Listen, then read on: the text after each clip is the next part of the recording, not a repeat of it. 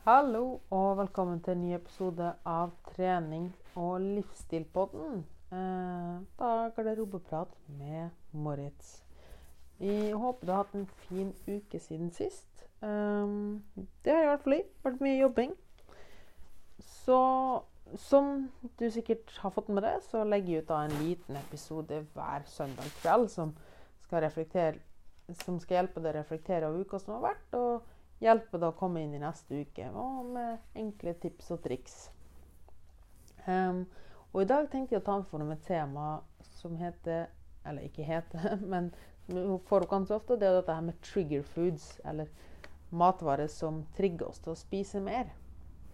Uh, du har sikkert hørt det, eller kanskje til og med sagt det sjøl. Jeg har i hvert fall sagt det sjøl. Og det er sånn type Hvis de kommer over sjokolade, f.eks., så klarer de ikke å stoppe å spise det.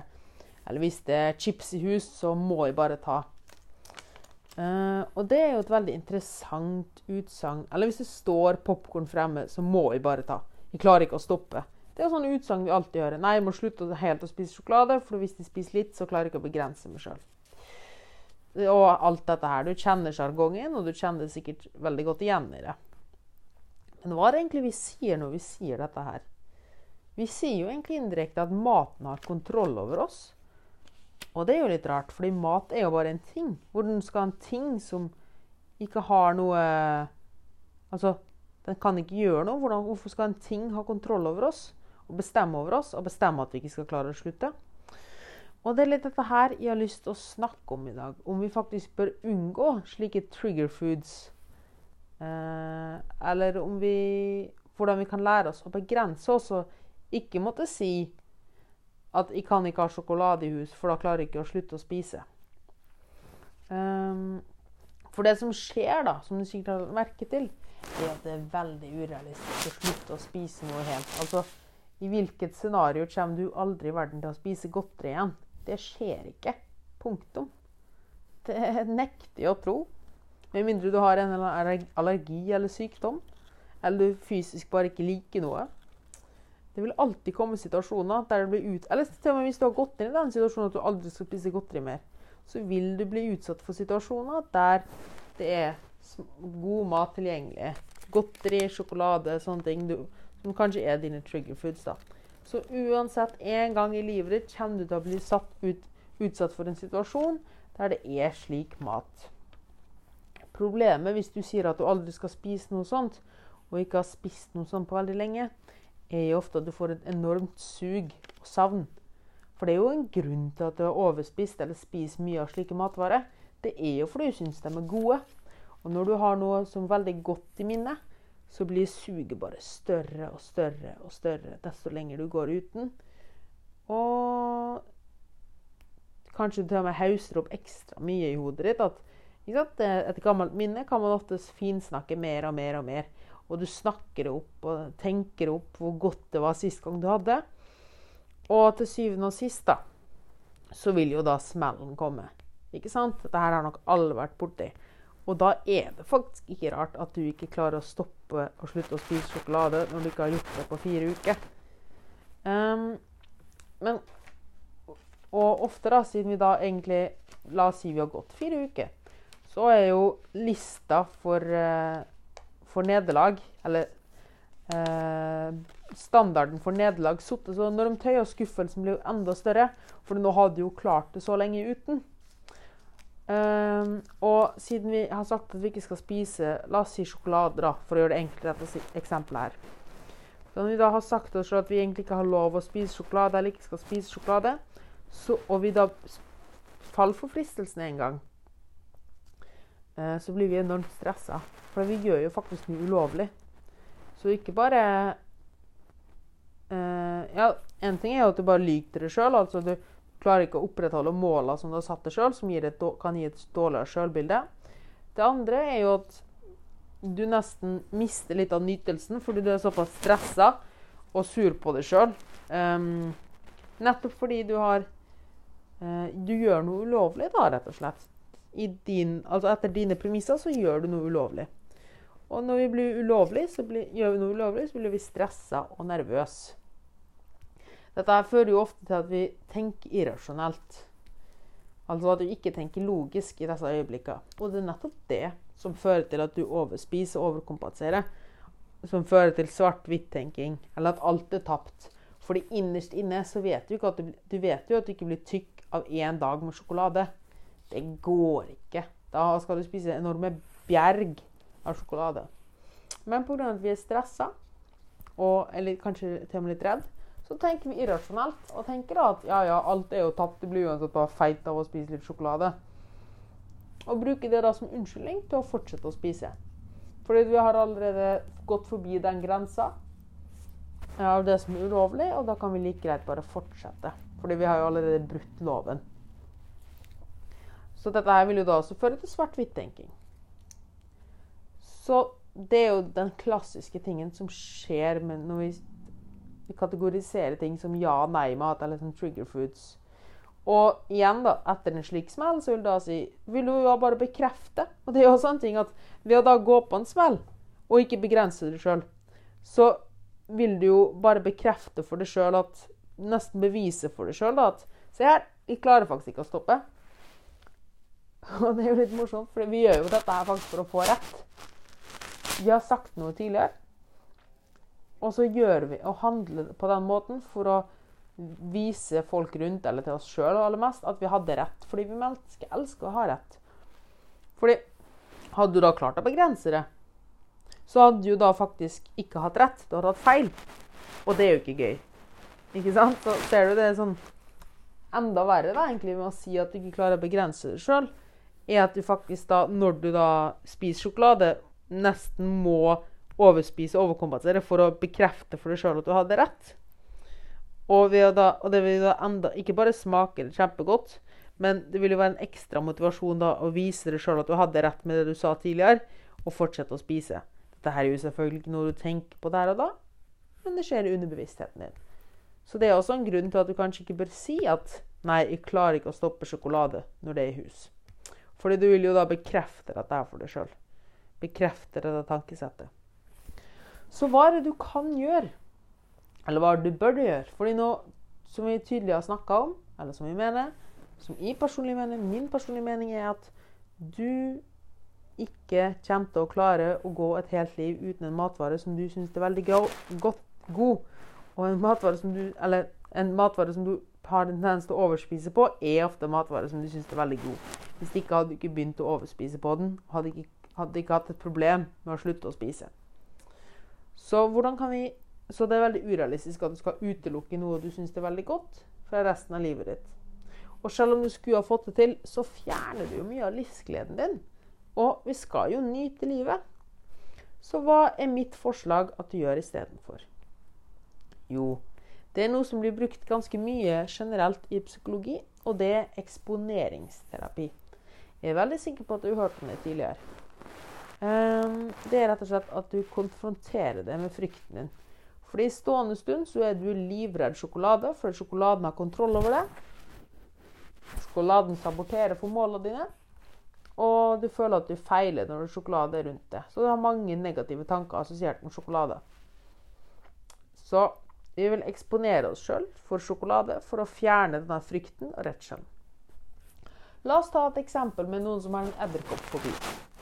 Hvordan er det du hadde starta å behandle en edderkoppfobi? Jo, da hadde du tatt en gradvis tilnærming. Hvis du hadde trykt en edderkopp på en person som har en fobi for edderkopper, hadde han jo løpt ut av rommet.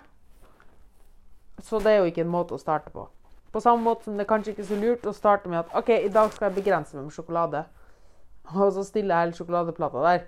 Da er det ikke rart at du ikke klarer å stoppe. Du er jo rett og slett ikke klar ennå. Så vi må ta en gradvis tilnærming til det hele.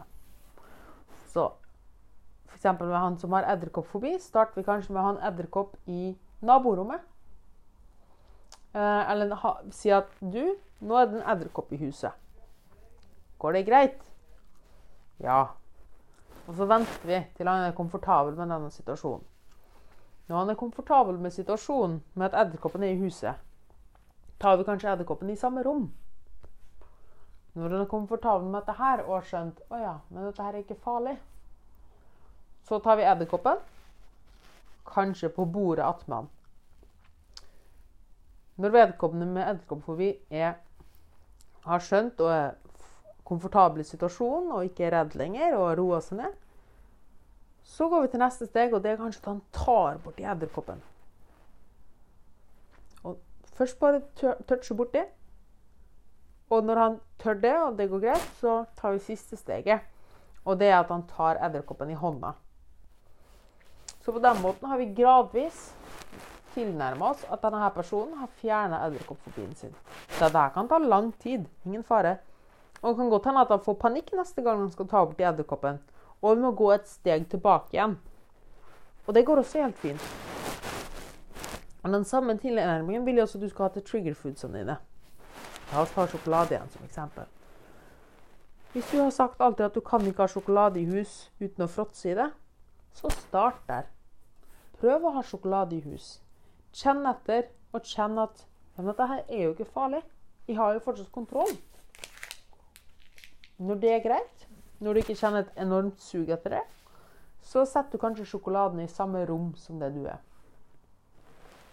Når det går greit, så legger du kanskje sjokoladen på stuebordet om kvelden og lar den ligge der. Fortsatt lukka igjen, men den ligger der.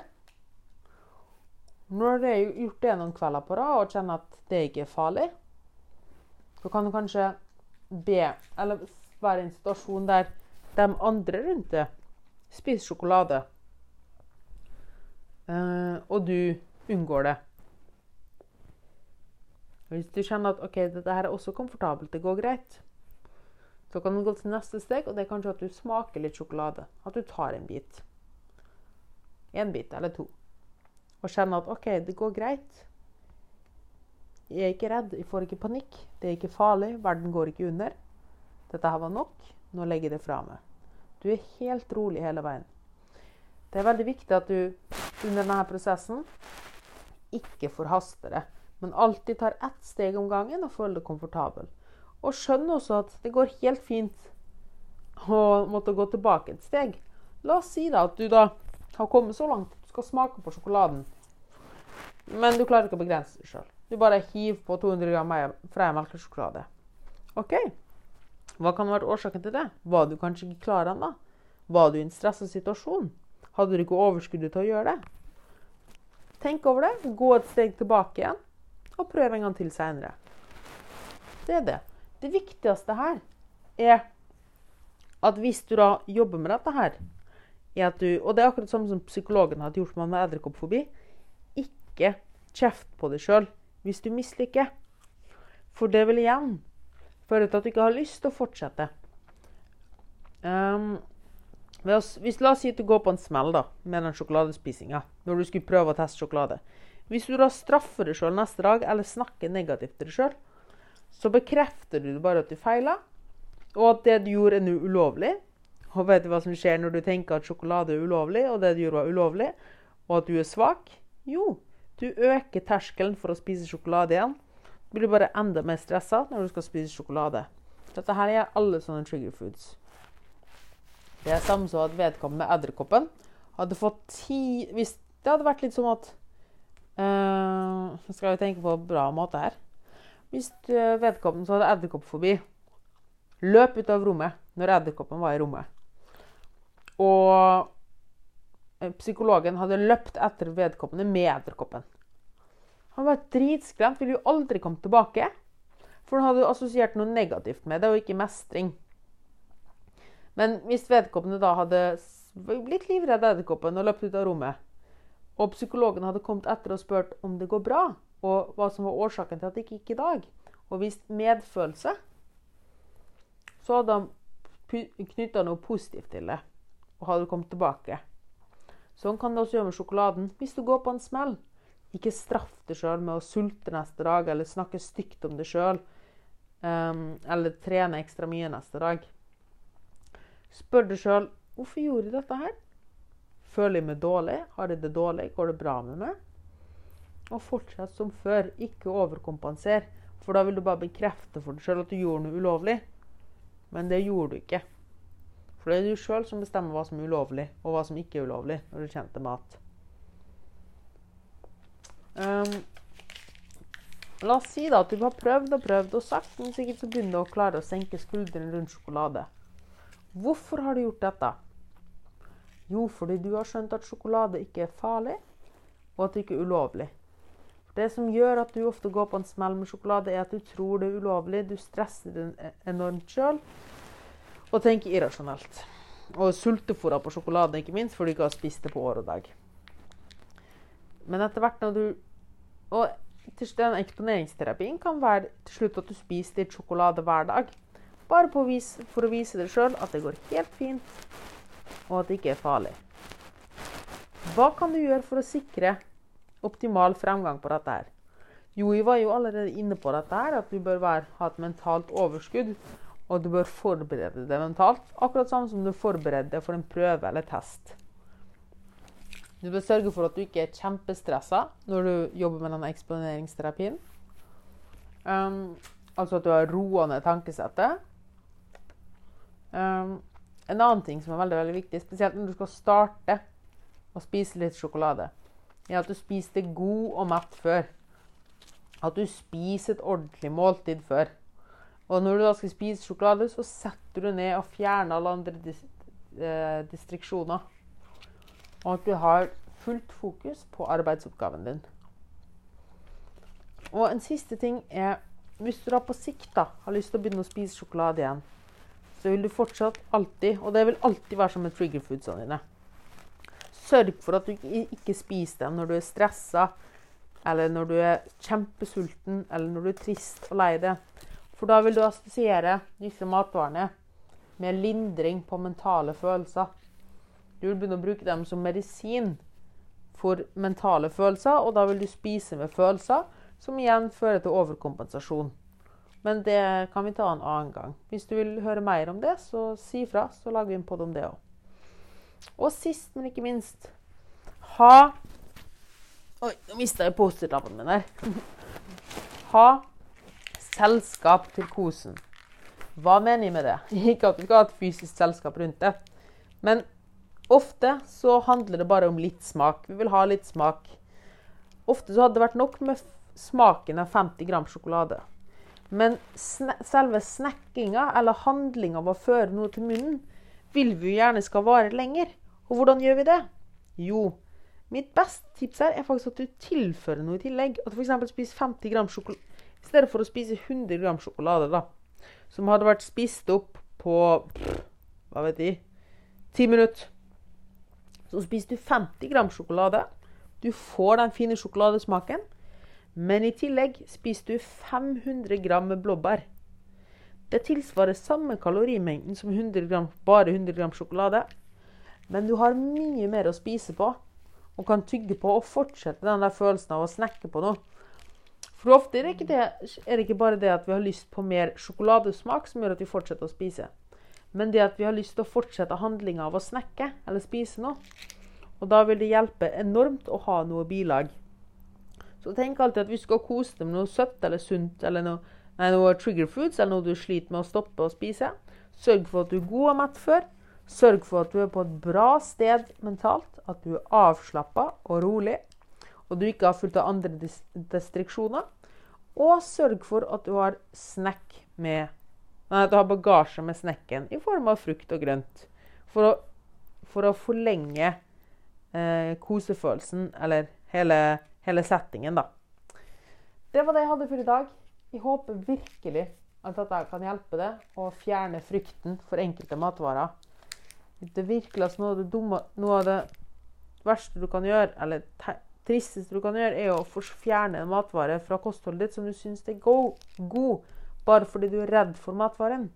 La oss heller ta kontroll over maten, og ikke la maten ha kontroll over det. Det var det jeg hadde å si for i dag. Tusen takk for at du hørte på. Vi håper du likte episoden. Gi gjerne en subscribe Gi gjerne. Uh, subscribe gjerne til podkasten på Spotify, Castbox, iTunes eller der du hører podkast. Gi oss gjerne en, uh, en rating, en review på iTunes Apple Podcast. Del i Instagram-storyen din hvis du fikk noe ut av innlegget ditt. Send meg gjerne en melding om du skal teste denne, om du tester denne strategien, og fortell meg hvordan det går. Jeg hadde vært kjempeinteressert i å høre hvordan, Om det går greit for din del. Eh, eller hva du, dine opplevelser rundt temaet. Og med det sier jeg tusen takk for at du hørte på. Å oh, ja, og del Instagram-story og alt det der. Og del med en venn og bla, bla. bla. Yes. Tusen takk for at du hørte på. Vi snakkes, og ha en awesome uke. Ha det bra.